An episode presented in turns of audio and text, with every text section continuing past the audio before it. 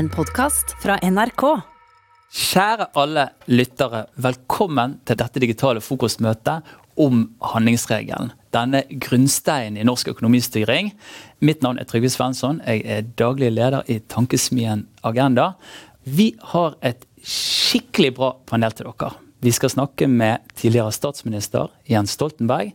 Vi skal snakke med økonom og journalist i Morgenbladet Maria Berg Reinertsen. Og vi skal snakke med professor i samfunnsøkonomi ved NTNU, Ragnar Torvik. Dessuten så får vi besøk av finansminister, nestleder i Høyre, Jan Tore Sanner. Og nestleder i Arbeiderpartiet og finanspolitisk talsperson, eh, Hadia Tajik. Eh, men den vi skal begynne med, det er han som gjerne omtales som handlingsregelens far. Og jeg tror rett og slett vi skal sette over til Brussel. Eh, velkommen, Jens Stoltenberg. Er du der? Jeg er der, og det er veldig hyggelig å få lov til å være med på et program der vi skal snakke om handlingsregelen. Det er et uh, flott tema. Ja, det er jeg helt enig med. Uh, hvordan går det? Jeg, jeg, sånn som jeg har inntrykk av i avisene, så har du hatt en ganske travel uke. Ministermøte, besøk av Tony Blinken. Du, begynner du å bli litt klar for ferie, eller? Altså, det har vært en viktig uke og travel uke. Uh, fordi Vi har hatt uh, første møte med den nye amerikanske utenriksministeren. og Han har sagt at han er veldig for uh, samarbeid Europa, USA og Nato. og det, Da blir det god stemning her i Brussel. Jeg gleder meg selvfølgelig til ferie, men i Nato og Brussel er det sikkert vi jobber til den uka som kommer. Men så er det litt ferie etter der igjen, så det gleder jeg meg til. du, Jeg har lyst til å spørre 29.3. Da markeres altså at handlingsregelen er 20 år. Eh, den ble innført når du var statsminister første gang. Eh, og Jeg har lyst til å høre litt om bakgrunnen. Eh, når jeg forberedte meg, så fant jeg et internnotat på nett fra SSB fra nesten 15 år før handlingsregelen ble innført. Det het noe sånn som 'Makroøkonomisk planlegging under usikkerhet'. Forfatter av Jens Stoltenberg. Jeg lurer på om det er kanskje det tørreste dokumentet på hele internettet. Faktisk. Eh, satt du på et kontor i, på SSB i 1985 og så for deg at det som skulle kunne bli verdens største fond, eh, og eh, at du måtte lage en handlingsregel for det? Nei, det var ikke sånn. Men jeg skrev en oppgave eh, i, på, da jeg studerte sosialøkonomi som nettopp handlet om makroøkonomisk planlegging under usikkerhet. Uh, med bruk av oljepenger som eksempel. Eh, det var masse matematikk. Jeg jobbet med den i over et år. Eh, og så skrev jeg den teksten den skrev jeg på noen eh, par uker, eller veldig kort tid. Men det som da var spennende, var at da jobbet jeg i Statistisk sentralbyrå. Og Der kom jeg med et bokprosjekt, og den boka har vi funnet fram. Det er denne boka her. Og Den er skrevet av noen veldig gode økonomer som var redaktører for den, og jeg bidro da litt inn i den boka der som. Der er handlingsregel for bruk av oljepenger nevnt som et, som et Eh, ideen om å lage en handlingsregel. Så, så, det første stedet jeg har sett i norsk litteratur i hvert fall, at handlingsregel for bruk av oljeinntekter er nevnt, er i den boka som jeg uh, fikk lov til å være med på. Men det var jo bl.a. Øystein Olsen som var redaktør. Det var en jobba mye med som het Steinar Strøm, som uh, også lærte meg mye om det. Og så var Kalle Mone var jo da veilederen for oppgaven. så det var mye gode økonomer som ga meg masse råd og veiledning, og så fikk jeg lov til å være med på det prosjektet. Og og, når jeg da etterpå jobbet med handlingsregelen 15 år etterpå, så var det spennende å se at tenkningen rundt handlingsregelen, vi drøftet ulike modeller, den var nedfelt i, i den boka, det prosjektet som vi jobbet med midt på 80-tallet. Kan du si noe om altså bakgrunnen, den økonomiske tenkningen eh, Det var både forskere, embetsverk, politikere som balte med. Eh, hvordan skulle man forholde seg til det at det ble stadig tydeligere at norsk økonomi eh, eh fikk denne større strømmen av oljepenger inn? Altså, diskusjonene som foregikk på den tiden? Jeg tror man må skjønne det at eh, vi var eh, jeg vil si, nesten uforberedt på at vi skulle få penger inn på det fondet. Eh, pensjonsfondet eller oljefondet ble opprettet i 1990. Det sto null kroner på den kontoen de første årene. Jeg husker Sigbjørn Johnsen kom inn i en regjeringskonferanse han var finansminister våren 1996 og løp rundt med en sånn kvittering som var utskriften fra Norges Bank på at staten hadde satt inn 1 milliard 981 eh, millioner kroner. det var. Og Han var stått som en hane, for det var det første innskuddet. Året etterpå ble jeg finansminister, og da eh, skjønte vi at det ble litt mer penger. Så da begynte vi å plassere penger i aksjer. Det var veldig omstridt den gangen. Og så Da jeg ble statsminister igjen i, i, 2000, så var det sånn at vi skjønte at her var det i ferd med å bli ganske mye penger. Mye mm. mer enn vi hadde forestilt oss bare et par, par år tidligere. Men du, kan bare, du sa at det å plassere i aksjer var omstridt. Hvorfor det? Nei, for det var Hele ideen var at det pensjonsfondet skulle bare være liksom renteinnskudd. Det skulle bare være veldig trygt plassert i banken med rente. Det er trygt, men det gir liten avkastning. Men så husker jeg det kom veldig mange analyser. altså Vi satt der i Finansdepartementet i 97, 97 og så hvor mye, hvor mye, avkastning vi kunne få ved å plassere i aksjer. I hvert fall hvis vi tålte en del svingninger. Og det har jo vist seg veldig riktig mm. at vi valgte å gå inn i aksjer. Men det var så vidt vi fikk det til. fordi Eh, det var mye motstand i Stortinget, og vi var redd for at den nye regjeringen som kom den høsten, skulle stanse det prosjektet. Eh, men heldigvis så fikk vi det på plass, og, og, og så har det etter hvert vist seg å være veldig eh, klokt. Du, I boken 'De nasjonale strateger', Rune Slagstad, som kom ut tre år før handlingsregelen, faktisk, da skriver han mye om eh, forholdet mellom det vi kan kalle tidens betingelser og enkeltmennesker sin rolle. Er det noen enkeltmennesker du har lyst til å trekke fram som var spesielt viktig for at vi fikk en handlingsregel?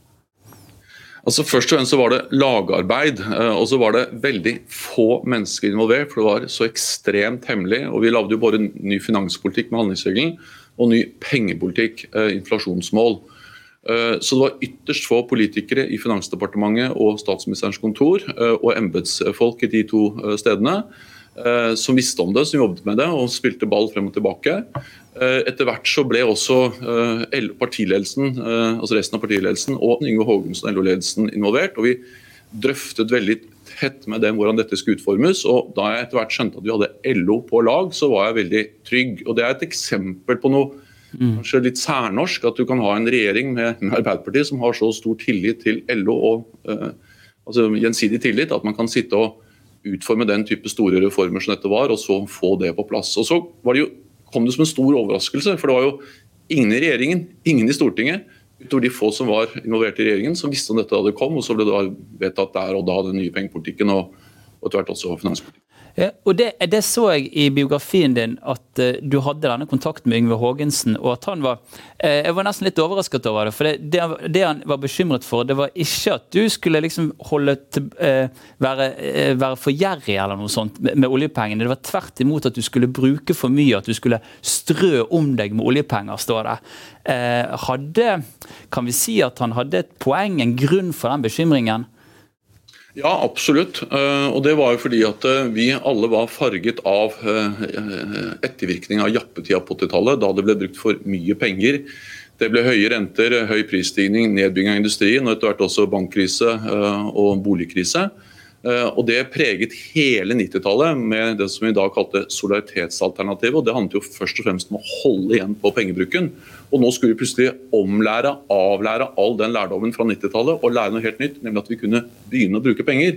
Og Så var utfordringen da å bruke penger, men ikke bruke for mye penger. Mm. Det er det handlingsregelen handler om. Det er jo at du skal lage en regel der du eh, får en forsvarlig, eh, gradvis innfasing av penger. fordi verdenshistorien er full av eksempler på land som får store inntekter fra naturressurser.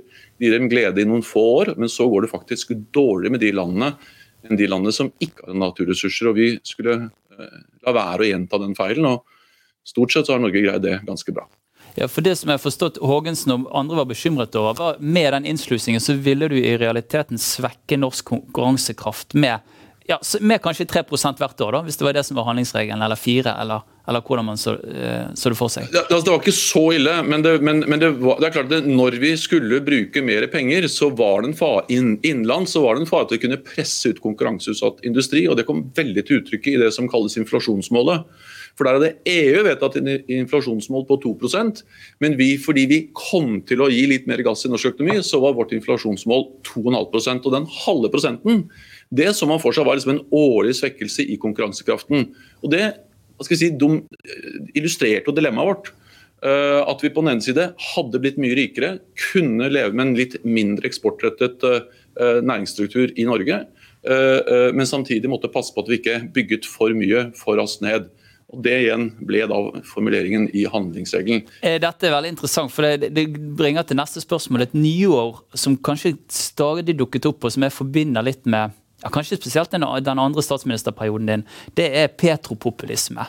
Eh, var, det, altså, var, ikke det en vanskelig del av å være politiker og, eh, og ha denne stadig økende kontantstrømmen? Hvordan kan du liksom sitte og se på problemer i samfunnet når du har milliarder på bok og må vise til handlingsregelen? Jo, det er ikke lett. og Det er jo derfor også så godt som alle land som har hatt den type inntekter, ikke har greid det. Det har gått veldig dårlig med dem. Uh, ikke med en gang, men over tid. Uh, og, og, det er ikke noe tvil om at uh, Fremskrittspartiet, som var veldig mot handlingsregelen i alle årene etter at den ble innført, de ble jo det største partiet på meningsmålingene. De ble etter hvert også størst ved valg, og det var et politisk press på oss som holdt igjen. Ehm, den, den, vi fikk jo det også innenfra før vi lagde handlingsregelen. Ehm, spesielt da. Jeg husker Rune Kristiansen, som var en faglig tillitsvalgt fra, fra LO Oslo, som satt på Stortinget. Han sto på møte der inne i Stortinget og, til meg, gruppemøte Arbeiderpartiet og hoia til meg at du må finne PIN-koden til oljefondet, Jens. Og jeg lovet han den våren at du skulle finne PIN-koden, men det var det å finne PIN-koden uten å uh, tømme hele kontoen. Uh, igjen var det uh, det dette handlet om. Det har ikke vært lett, eh, men, det, men, men, men, jeg opplever at det er relativt god tilslutning til ideen om at vi, eh, vi må holde igjen på oljepengebruken. Og så glemmer man kanskje noen ganger at handlingsregelen egentlig er en ganske sjenerøs regel, spesielt når fondet har blitt så stort. Eh, I 2005, da jeg ble statsminister for annen gang, så var pensjonsfondet rundt, rundt 1000 milliarder, og da hadde vi 4% av det er 40 milliarder. Nå er det over 10 000 milliarder, og 3% av det er 300 milliarder. Så så selv om det er litt mindre prosent, så er fondet så mye større at selv en lavere prosent gir enorme inntekter eller muligheter for, for bruk av penger mm. over eh, statsbudsjettet. Du, det er kanskje, Jeg har fått noen spørsmål på Facebook i forkant av møtet. og En som heter Ola Bergsaker, han spør, han spør rett og slett eh, fører bruken av handlingsregelen til for stort offentlig forbruk. Og Det er jo litt relevant, spesielt når fondet vokser på den måten. Altså jeg, jeg, i hvert fall jeg kjenner at uh, Den diskusjonen er veldig annerledes nå når fondet har blitt så stort. og Spesielt fordi fondet har blitt stort, uh, dels fordi vi har satt oljepenger inn der. Men det har blitt også veldig stort fordi vi har historisk høye aksjekurser og historisk svak krone. Så det er blåst opp pga. Eh, lav kroneverdi og høy aksjeverdi. og Da blir fondet i norske kroner veldig høyt. Fordi du veksler fra utenlandsk valuta til norsk valuta. Uh, og Det er litt skummelt. Uh, og Øystein Olsen, sentralbanksjefen, har jo påpekt at det paradokset jeg er enig med det, det er at uh, handlingsregelen er jo laget for å skjerme oss mot svingninger i oljemarkedet. Skille opptjening av bruk av oljeinntekter. og Det har fungert veldig bra som det, bedre enn jeg trodde for 20 år siden. Men vi står nå for en annen usikkerhet, og det er at vi nå har knyttet oss veldig opp mot ikke svingninger i oljemarkedet, men svingninger i finansmarkedet. Mm.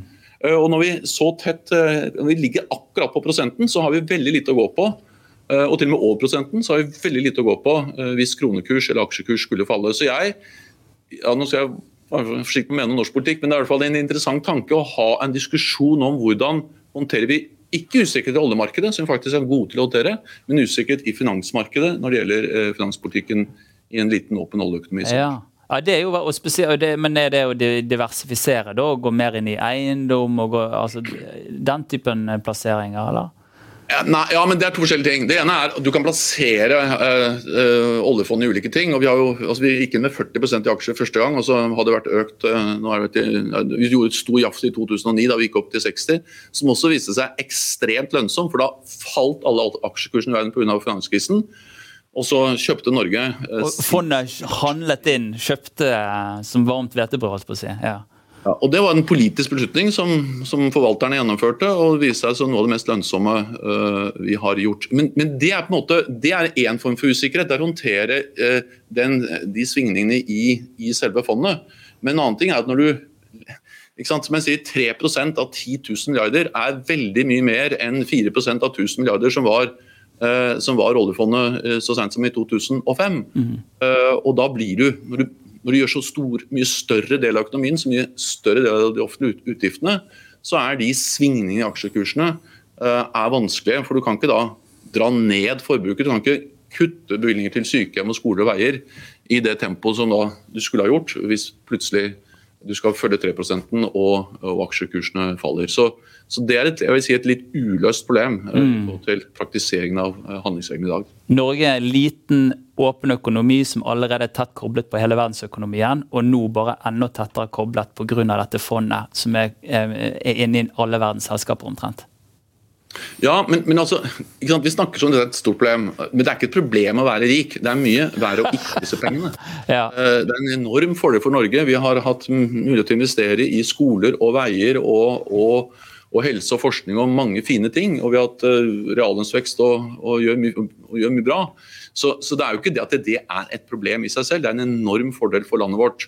Men eh, det er det å passe på å ikke venne seg til et for høyt forbruk, spesielt når det forbruket er basert på veldig høye aksjekurser og lav kronekurs. Mm. Uh, og for det andre så er det da å passe på at du holder ved like den industrien som skal være der også etter hvert som oljeinntektene begynner å, å falle. Så, så, så det, er et, det, er et luksusproblem, men det er, et, det er noe å skjønne at, at utgangspunktet er en stor fordel for Norge, men det handler om å forvalte den fordelen bedre enn de fleste andre land har greid å gjøre. Og så er det det, eh, Jeg er litt nysgjerrig på det, for det er den oppgaven for politikere å hele tiden forklare for folk at ja, dette er en fantastisk mulighet, men vi kan ikke bare bruke alle pengene. Eh, da vil de enten forsvinne veldig fort, eller de vil ødelegge økonomien vår. Ja, men det er en, det en forvaltertradisjon i Norge. Jeg, jeg, har, altså, jeg leter alltid et sånt eksempel som er lett å forstå, men jeg har jo brukt det eksempelet med, med tilveksten i skogen. At Så lenge du bare hugger tilveksten, så opprettholder du skogen og kan leve av skogen til evig tid. Eh, vi har det i forvaltning av fiskebestander. Eh, så lenge du bare høster av tilveksten, så kan du ha en stor og levende fiskerinæring, eh, som vi for har fått til på torskefiske. Så, så det er en forvaltertenkning som, som som ligner på noe du gjør på andre områder. og Det fine med Norge er at vi i hvert fall fram til nå denne koronakrisen og den store pengebruken der, så er det sånn at vi egentlig ikke har brukt vi har brukt null oljepenger. Det vi har brukt er jo renteinntekter og avkastning fra pensjonsfondet, altså finansinntekter. Og hele ideen er du har et stort innskudd, og så bruker du den avkastningen. Og da kan du ha gode inntekter over lang tid. Jens Stoltenberg, det er veldig interessant å høre på deg. Du lytter til dette på Debatt i P2. Um, og Vi snakker om handlingsregelen, og jeg har lyst til å fortsette å spørre deg. Um, altså I 2017 så ble handlingsregelen redusert fra 4 til 3% Er fondet nå så stort at en handlingsregel er en litt meningsløs måte å styre på? Altså Selv under koronakrisen, når eh, Stortinget og regjeringen har vedtatt svære krisepakker, så er, er det ikke kommet opp i mer enn 3,3 Altså det er jo i hvert fall det vi har snakket om nå, er, er at handlingsregelen fungerer annerledes og har en uh, annen virkning på norsk økonomi når det er en prosent av et veldig veldig stort fond. Det var ingen som trodde at det fondet skulle være sant, over 10 000 milliarder. Uh, uh, vi trodde noen hundre, etter hvert ble det jo 1000 milliarder, men det var altså så sent som i 2005. Så da har det en annen betydning. Og, og, og Hensikten med handlingsregelen var jo nettopp at vi skjønte at vi kunne ikke måte blåse offentlige utgifter opp og ned. Eh, åpne skoler, stenge skoler eller, eller eh, sykehus og, eh, og, sykehjem med svingende oljeinntekter. fordi vi så gjennom 80- og 90-tallet at oljeinntektene svingte veldig mye pga. priser og, og produksjon. Så det skjønte vi, så derfor måtte vi skille de veldig svingende inntektene fra, fra bruken. Vi måtte ha jevn bruk og, og, ha en buffer, og den bufferen var pensjonsfondet. Eh, men, men, nå står vi for en annen type eh, usikkerhet. og det er at eh, Nå har vi linket eller, ja, bruken av penger til en prosent av et stort fond. Og Når vi da ligger på prosenten, 3% eller over, så er det klart at hvis du opplever et veldig fall, så så, eh, så, hva gjør vi da? Eh, eh, og Det er der jeg sier at jeg tror vi har en litt uferdig debatt om hvordan det skal mm. håndteres. Nå er Jeg litt opptatt av at jeg skal være litt forsiktig med å mene for mye om norsk politikk i dag, så jeg er veldig god til å analysere det som skjedde før. Jeg er på mange grunner litt mer forsiktig med å ha skråsikre råd om hva som skal gjøres i dag, men jeg kan i hvert fall si at det, det er en det er en, en diskusjon som bl.a. Øystein Olsen har tatt til orde for, og som jeg tror er viktig. Eh, hvordan håndterer vi en ny type mm. usikkerhet, eh, svingninger i finansmarkedene. Men du, Det tar vi med oss, og vi er glad i å diskutere, så det, du skal ikke se bort fra at det kommer noen flere møter om det temaet. da. Eh, kan jeg spørre, Noen mener jo at det som ofte ble kalt altså dette var, Det var også, kanskje vanligere for noen år siden at den slaviske troen på handlingsregelen òg har vært et problem for politikken. Kunne Norge ha kommet lenger, f.eks. blitt en grønn energikjempe tidligere hvis du hadde laget et mer ja, si et mer aktivt industrifond ved siden av oljefondet, i tillegg til oljefondet? Altså, du spør kanskje det mennesket i Norge som er mest for handlingsregelen. så eh, Jeg kommer ikke til å si at den har stått i veien for viktig viktige omstillinger av norsk økonomi. Tvert imot så mener jeg den har vært en veldig godt rammeverk for uh, å videreutvikle og omstille norsk økonomi. så er jeg litt, altså, For denne ideen om at vi skal ha, liksom, ta 1000 milliarder av pensjonsfondet og bruke på omstilling, så har jeg to-tre kommentarer til det. Det ene er at Det ene er at Vi har opprettet en god del statlige fond som vi bruker til å hjelpe den grønne omstillingen. Uh, Stoltenberg I-regjeringen gjorde mye bra, ikke bare handlingsregelen, men også opprettet Enova, som er et svært statlig fond som nå gir penger til store klimainvesteringer på Hydro Karmøy eller på havvind og mange andre ting. Enova er et sånt statlig fond vi bruker til å hjelpe fram, få fram pilotprosjekter, få uh, grønn teknologi over en kneik. Men men, men, jeg er litt redd jeg er mot at staten skal liksom alminnelig liksom ta hele kostnaden for den grønne omstillingen. Og Det skyldes jo først og fremst at det er slik at vi må holde oss til prinsippet forurenser betaler. Fellesskapet skal ikke betale, det er eh, forurenseren som skal betale. Eh, fellesskapet skal bruke sine penger på det fellesskapet eh, har hovedansvaret for, nemlig skoler, barnehager, sykehus, pensjoner, velferden. Det må fellesskapet gjøre, og vi har, sliter nok med å finansiere de grunnleggende oppgavene. Det er forurenseren som må betale, og det man gjør enten gjennom pålegg fra myndighetene med utslippskrav og den type ting, og eller avgifter. Og da er Fordelen med det at forurenser betaler, er jo for det første at du skjermer fellesskapets penger for de viktigste, eller for de tingene bare fellesskapet kan gjøre. Men det andre du oppnår, er at det blir lønnsomt å investere i grønn omstilling. Uh, og Da kommer jo det uh, gjennom uh, private investeringer, og for den saks skyld også gjerne gjennom statlige investeringer. Men når f.eks. Statkraft investerer i vindkraft, eller Equinor investerer i vindkraft, så er jo det utenom handlingsregelen. For det er lønnsomme investeringer, og de regnes ikke innenfor handlingsregelen. Så jeg mener det er en litt konstruert ting, eh, den der ideen om at du liksom skulle tatt 1000 milliarder ut av pensjonsfondet. Én, det hadde svekket fellesskapets evne til å løse grunnleggende oppgaver. To, hvis det er lønnsomt, så kan vi ta det utenfor handlingsregelen i dag. Og, og da kan det være gjerne en blanding av privat og offentlig, men det er utenfor handlingsregelen. Ja, det eh, som finnes nå, er jo mange interessante eh, debatter. Eksempel, vel inspirert av en økonom som Mariana Mazzucato, eh, som sier at det som trengs nå for å komme gjennom det grønne skiftet, det er mer en sånn missionsorientert økonomi, der staten setter noen store mål, er med å finansiere i partnerskap med næringslivet. Men da ligger det vel implisitt at man bruker de store finansielle musklene, som f.eks. fondet eh, ville utgjort. Ja, men jeg, jeg, hvis er, hvis, hvis, altså, staten skal bruke penger på å hjelpe fram Enova, vi har andre fond som også hjelper fram uh, utvikling av ny teknologi, uh, pilotprosjekter, den type ting. Det skal staten gjøre. Forskning og utvikling. Jeg er jo for fortsatt stolt av Mongstad, som er et fantastisk uh, testsenter for grønn teknologi, karbonfangst. Der brukte staten masse, i hvert fall en del penger. Det må vi fortsette å gjøre. Men, men liksom, de der hundrevis av milliarder store investeringene, omstillingen i næringslivet, der mener jeg grunnleggende sett at forurenser skal betale. Og så mener jeg at det er en litt forvirret debatt. fordi at hvis vi får det altså Når vi greier å gjøre det lønnsomt, enten gjennom uh, prising av uh, karbon, CO2, og eller gjennom pålegg, uh, så kan jo også staten ta de pengene utafor utenfor handlingsregelen. Vi har ulike hel- og halvstatlige statlige foretak som, som, kan investere. Vi kan gå inn med egenkapital der, og de kan investere. Så det er en litt annen diskusjon. Hvor mye av havvindmøllene ute i Nordsjøen eh, skal bygges i statlig regi eller privat regi, det kan man diskutere. Eh, eh, jeg tror f.eks. staten har ikke minst ansvar for å eie infrastruktur. Men når det er lønnsomt, så tar vi det utenfor handlingsregelen. Mm. Handlingsregelen er jo om utgiftene våre, ikke om de kommersielle forretningsmessige investeringene våre. Så, så man blander totalt to forskjellige ting. Eh, bevisst eller ubevisst, eh, som forvirrer hele denne diskusjonen, men som er farlig. fordi at Hvis staten ender opp med å liksom dele ut milliarder eh, til privat næringsliv, så tror jeg det får noen veldig uheldige fordelingseffekter. Privat næringsliv er veldig gode til å suge penger ut av statlige ordninger. Og så svekker du altså det, de, de musklene du trenger i fellesskapet for å håndtere det som bare fellesskapet gjør. Velferd, omsorg, alle de tingene der. Så så jeg er for staten. Eh, vi bruker staten, men, eh, men, er det lønnsomt, så kan vi ta det utenfor handlingsregelen. Og er det ulønnsomt, så må vi bruke de eksisterende virkemidlene vi har. Gjerne øke dem litt, sånn som Enova og andre fond. Men det er den type virkemidler. Jens Stoltenberg, altså du er jo eh, forsiktig med å kommentere pågående politiske debatter i Norge. Men har du noen sånn klare råd til de som skal forvalte disse verdiene framover?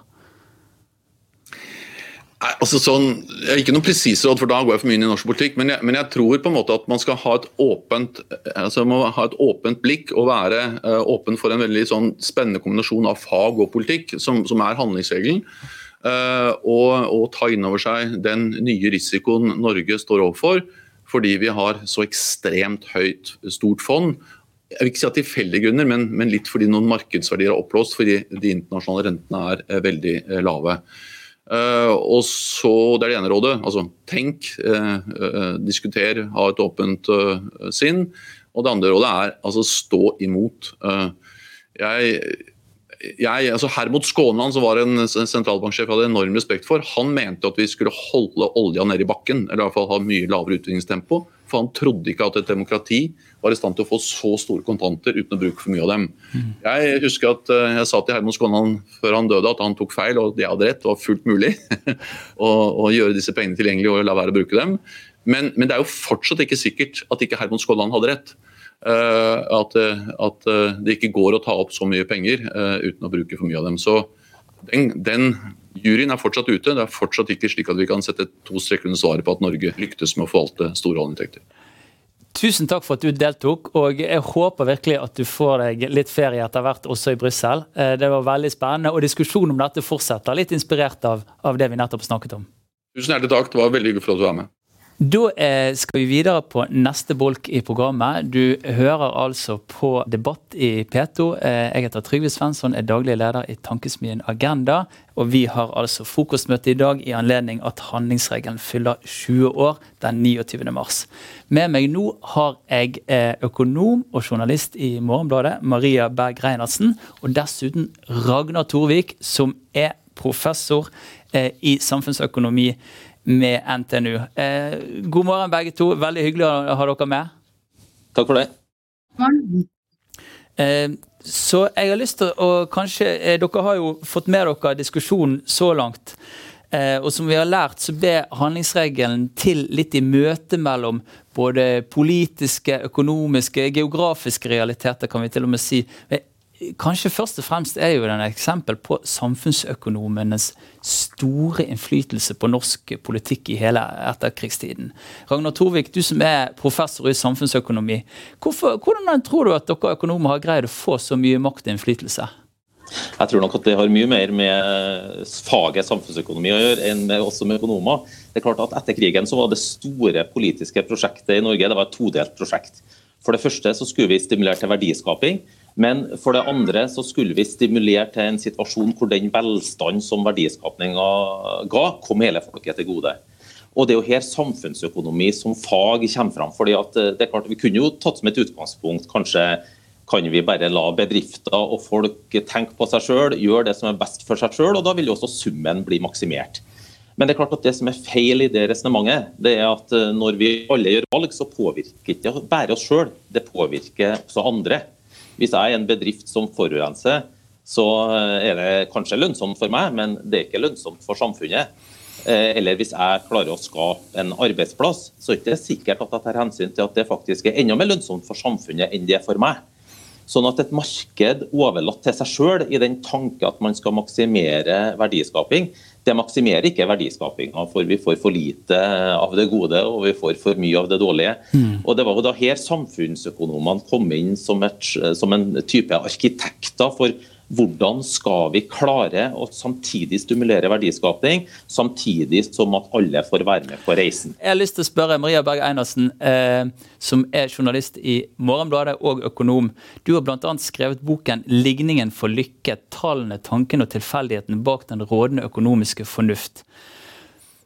Altså, Er det vanskelig for folk flest å forstå eh, hvordan økonomi, og kanskje spesielt makroøkonomi, som vi snakker om her, fungerer?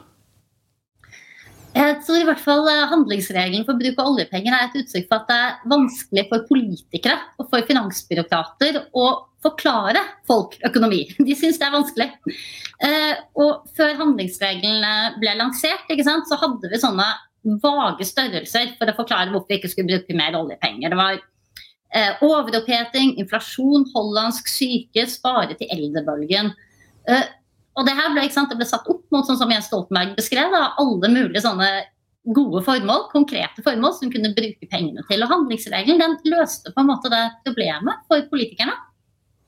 Eh, fordi den lyktes, den lyktes i å endre diskusjonen. ikke sant? Vi kunne nå følge regelen. Ved å følge denne regelen så kunne vi gå fra kunne vi omforme helt sånn magisk da, en ikke-fornybar ressurs, olje, til en fornybar ressurs, oljepenger på børs. Og sånn så fikk denne, liksom, ved, å introdusere denne ideen om bare å bruke avkastningen, da, eller hugge tilveksten, som Stoltenberg sier, så lyktes du rett og slett i å skape et mye sånn større politisk konsensus rundt det at en skulle ha en, si, en, forsiktig bruk av oljepenger. Og det er, det er en bragd ikke sant? å endre både diskusjonen og, og, praksis sånn for en regjering som bare sitter i ett og et halvt år. Eh, og så kan man jo si at etter, etter det så, så stoppa diskusjonen litt der de neste 20 årene. Men det kan vi kanskje snakke mer om seinere. Mm. Jo, gjerne det. Og jeg, kan jeg bare spørre deg, eh, Ragnar. Altså, Vårt fond og vår handlingsregel er jo ikke den eneste i verden. Du har f.eks. i Alaska et fond som har forstått det eh, er mye eldre enn vårt. og Der deler man f.eks. ut halvparten av overskuddet direkte til eierne, som da altså er befolkningen i Alaska. Eh, kjempepopulært. Og det kunne jo selvfølgelig vært hyggelig det å få jeg vet ikke, 50 000 eller 100 000 til sommerferien hvert år. Kunne det vært en måte å løse det på her også? Altså Det er jo interessant den modellen i Alaska. som du sier. Man deler ut en sjekk, og man får den faktisk til jul hvert år. Eh, og så er spørsmålet er det en eh, lur idé, og det vil jeg si at svaret på nei. Og hvis du ser det som har skjedd i Alaska, så er det sånn at man deler ut fra fondet der. Hvis det har gått bra med fondet, så får du mye, og hvis det har gått dårlig med fondet, så får du lite. Det betyr jo det at du får mye penger når det går bra, og så får du lite penger når det går dårlig. Det er akkurat det motsatte av det som er ideen med norske oljefondet. Fordi at Staten har jo også en rolle i å jevne ut de økonomiske svingningene. Så da kan staten bruke mer penger når det går dårlig, og de kan bruke mindre penger når det går bra. sånn at det eh, Systemet i Alaska det bidrar jo til å forsterke svingningene i økonomien. Mens det, den handlingsregelen vi har i Norge, som er en fleksibel handlingsregel, det bidrar til, til å jevne ut de uh, fluktuasjonene som, uh, som vi har i økonomien. Og faktisk så så jo styret i, i oljefondet i Alaska den ulempen med sitt eget forslag, og de foreslo selv å endre det over mot en norsk, norsk modell. Men som du sa, Trygve, dette er så populært at ingen uh, turte å ta i det. Og dermed så, så fikk de ikke gjennomført det de selv mente var fornuftig. Maria, jeg har lyst til å spørre deg, hvordan ser du for deg fondets framtid? Vi står altså overfor en gigantisk klimakrise.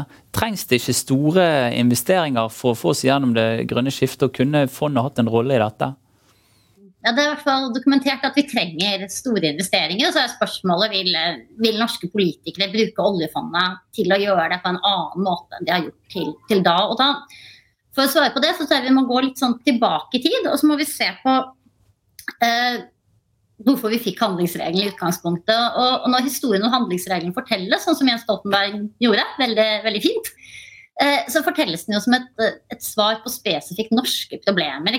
Vi, vi, hadde stor mengde oljepenger. Vi hadde, så at vi hadde utfordringer som eldrebølgen og fallende oljeinntekter en gang i fremtiden. Handlingsreglene kom inn og, og bygget en sånn bro da, mellom liksom, den rikdommen vi hadde og den, eh, de problemene vi hadde, hadde foran oss, hjalp oss å spare til til dem. Men samtidig så skjedde jo handlingsregelen i en, i en, sånn, en, en større kontekst. Da, at ute i verden, og i, både i politikken og ikke minst i, i samfunnsøkonomifaget, så var det uh, rundt årtusenskiftet en, en, tro på at det beste politikerne kunne gjøre i økonomien, var å binde seg til en del sånne ulike handlingsregler. Du fikk EUs stabilitetspakt. Uh, du fikk I mange land fikk du inflasjonsmål. Og I Norge fikk vi altså denne handlingsregelen. og her tenker jeg det er interessant, for at den diskusjonen er ute i verden, så er den diskusjonen i ferd med å endre seg nå. Eh, da EU har vedtatt European Green Deal, som er en mye mer sånn aktivistisk egentlig, form for motkonjunkturpolitikk. Hvor de ønsker ikke, sant, ikke bare å, å, øke pengebruken for å få EU ut av den økonomiske krisen, men de ønsker også å bruke disse pengene strategisk for å omstille EU til det, til det grønne skiftet.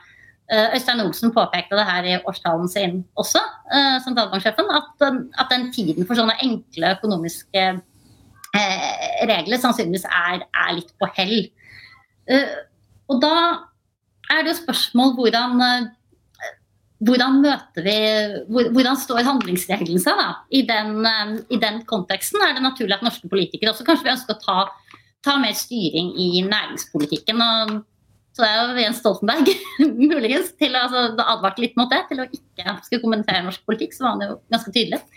Uh, men uh, hans partifelle Espen Barth Eide påpekte jo senest på et seminar i regi av deres konkurrenttenketank, uh, Manifest, for et par uker siden, at, at, tiden, at sosialdemokratiske partier nå liksom bør, bør, ta mer grep om næringspolitikken og næringsutviklingen enn de, har, enn, enn de gjorde tidligere. Så, så, det er en endring her. På den andre siden så tror jeg det er sånn at denne ideen norsk, hos norske politikere da, om at en trenger en krittstrek for den økonomiske politikken, den sitter ganske dypt. Uh, de har vært såpass lojale mot handlingsregelen. Mm.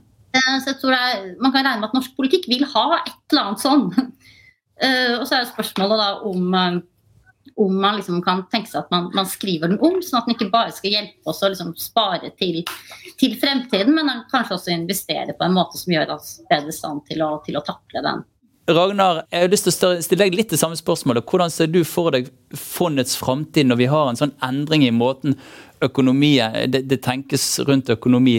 Biden har nettopp fått gjennom en gigantisk krisepakke som kanskje virker som det største løftet for fordeling i USA. De har selvfølgelig helt annet, et helt annet utgangspunkt enn oss. Eh, men, mens her i Norge så vil jo det grønne skiftet være på en måte eh, det som gir, skaper et politisk krav for mye handling ganske raskt. Ja, altså jeg er jo eh, jeg er veldig eh, for at staten skal spille en aktiv rolle i den grønne omstillinga. Samtidig så er jeg veldig imot at vi skal øremerke oljefondet til det. Og Det høres ut som en selvmotsigelse, men det er det ikke.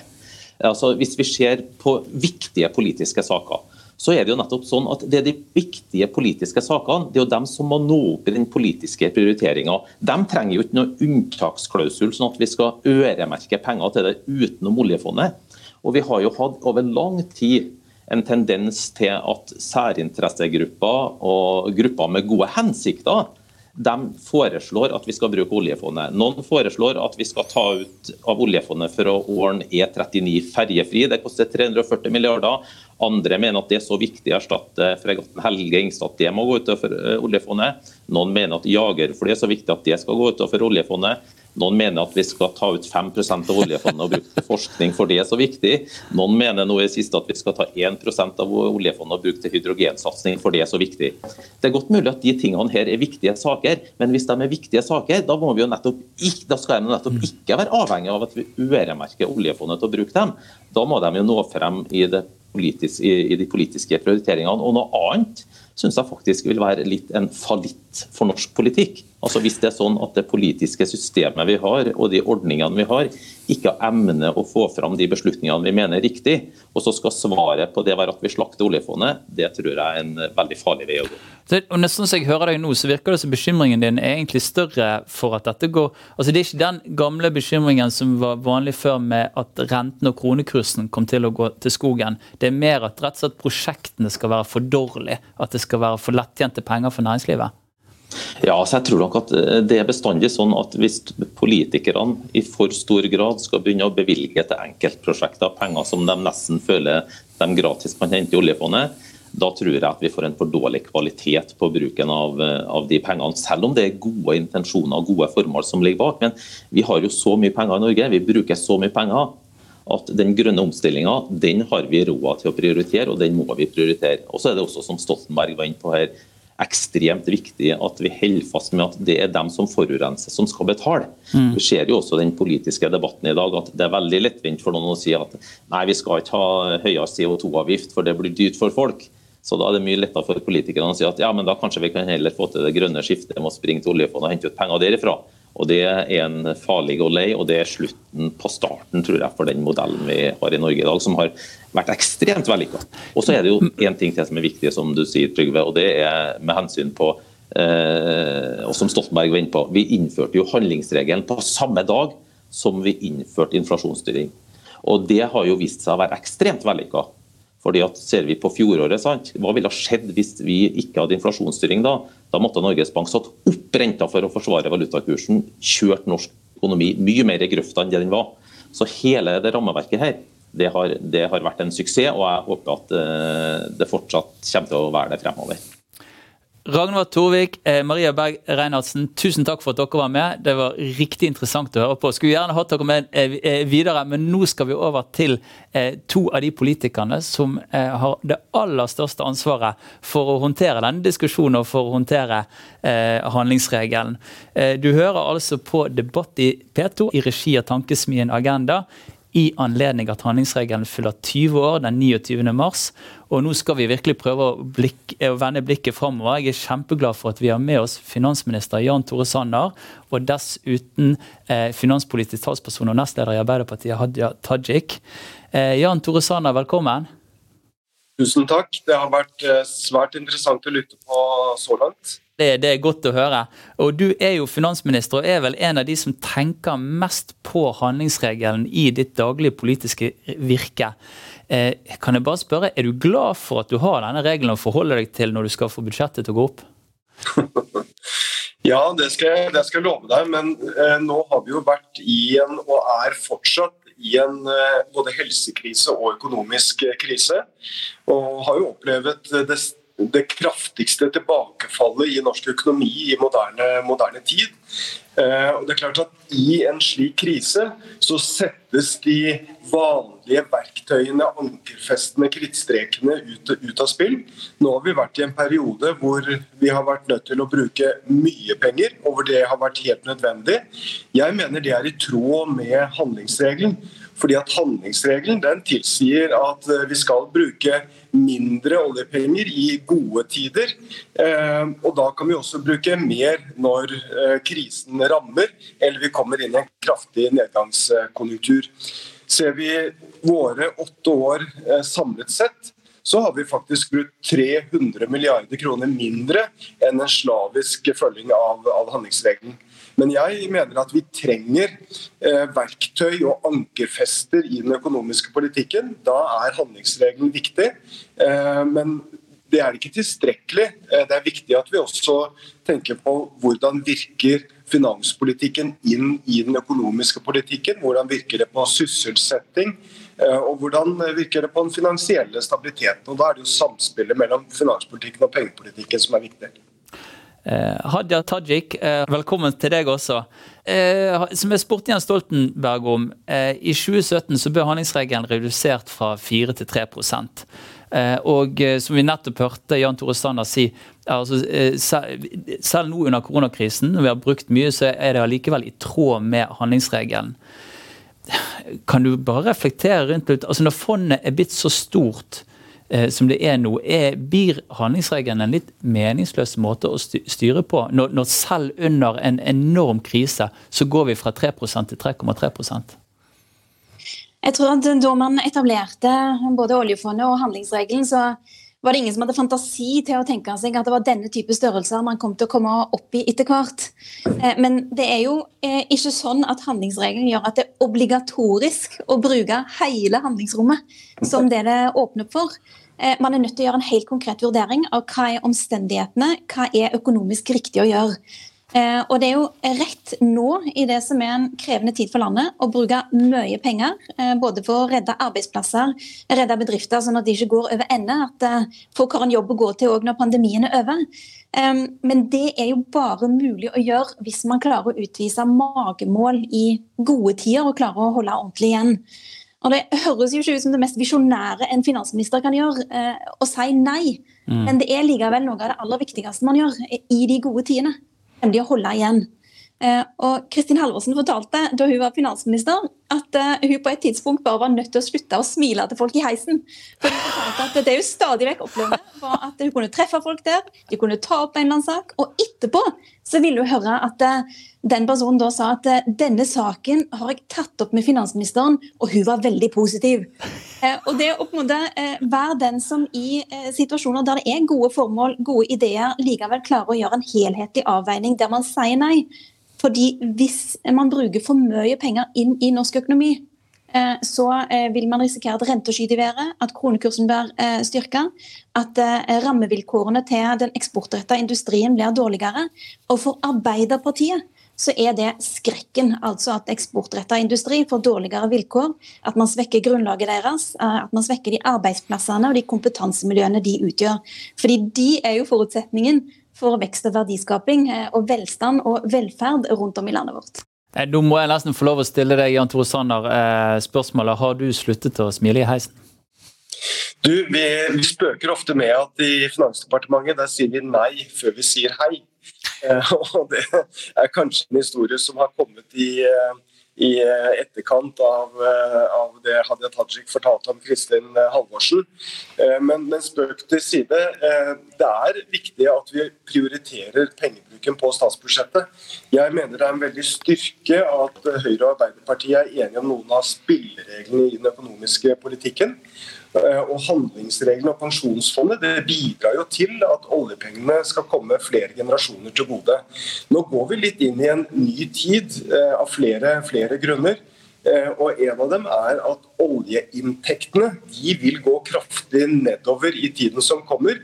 Det betyr at vi blir mer avhengig av avkastningen av fondet. Det vil komme mer penger inn. Og Vi vil også se at fondet kommer til å svinge mye. Nå er det om, om lag på, 11, eh, på 11 000 milliarder eh, kroner.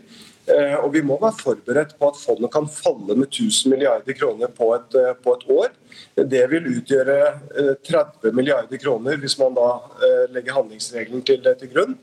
Så det er ikke tilstrekkelig bare å se på handlingsregelen. Vi må, som Hadia Tajik også er inne på, se på hvordan finanspolitikken virker inn i økonomien. Og da handler det jo også om hva vi bruker pengene på. Og Det er den diskusjonen som er viktig. At vi investerer for fremtiden. At vi legger til eh, et grunnlag for et sterkt privat næringsliv. Eh, nå utgjør den offentlige andelen av økonomien over 60 eh, og det er helt åpenbart at I tiden som kommer, så må vi ta oljepengebruken ned når krisen er, er over. Så må vi reversere mye av den pengebruken som vi har hatt. Eh, og så må vi investere for, eh, for fremtiden og løse noen av ettervirkningene av eh, pandemien. Tajik, er du enig i analysen til Sanner her? Jeg er i hvert fall helt enig i at man, man, er nødt til å snakke om hvordan pengene blir brukt. For det er jo ikke bare et spørsmål om hvor mye penger er det man bruker. Um, vi ser jo dessverre uh, at um, selv i disse krevende pandemitidene så har uh, pengene blitt brukt på en måte som i hvert fall Arbeiderpartiet er kritisk til. Det Høyre og Arbeiderpartiet er enige om, er at man trenger rause krisestøtteordninger som gjør at man klarer å redde bedrifter som har en sunn økonomi, for det handler om arbeidsplasser. Eh, men Arbeiderpartiet har jo ønska seg at man skal ha klare utbyttebegrensninger. At man skal stille krav om at mottakerne skal ha eller beholde ansatte i en del sammenhenger. Eh, det er jo krav som Høyre har sagt nei til. Og Konsekvensen av det, det er at man har betalt ut store krisestøttebeløp, altså tatt penger fra fellesskapet, eh, og så gitt det til private, rike eiere. Helt konkrete eksempler er at man ser at eh, Scandic-kjeden har eh, både eh, tatt imot 200 millioner kroner i krisestøtte, samtidig som de har sendt oppsigelser til flere hundre ansatte. Lundin har fått en oljekrisepakke, samtidig som de har økt utbyttene med nesten 80% altså Det utgjør over 4 milliarder kroner. Og man ser at det er eiendomsutviklere som har luksusleiligheter som står tomme, som staten da betaler leien for. Eh, og jeg ser altså ingen grunn til at vi skal bruke fellesskapets penger på denne måten her. Og En av de tingene vi burde lært etter bankkrisen på 90-tallet, var jo nettopp det at aksjekapital er risikokapital. De som har eh, brukt pengene på den måten der, altså eh, fra privat side, de visste akkurat hva de gjorde. De tok en risiko. Eh, og de har i mange sammenhenger tjent gode penger på å gjøre det. Eh, og bank, Under bankkrisen på 90-tallet så stilte man altså som et krav at eh, de eh, som, eh, altså aksjeeierne må ta et tap før det skal være aktuelt for staten eller fellesskapet å gå inn med penger. Og Det burde man i denne sammenhengen òg sett et mye, en altså mye tydeligere sammenheng i, for å kunne unngå at man gjør det Jan Tore Sanner dessverre nå har lagt opp til. Altså at man ender opp med å sosialisere tap, at fellesskapet tar de utgiftene.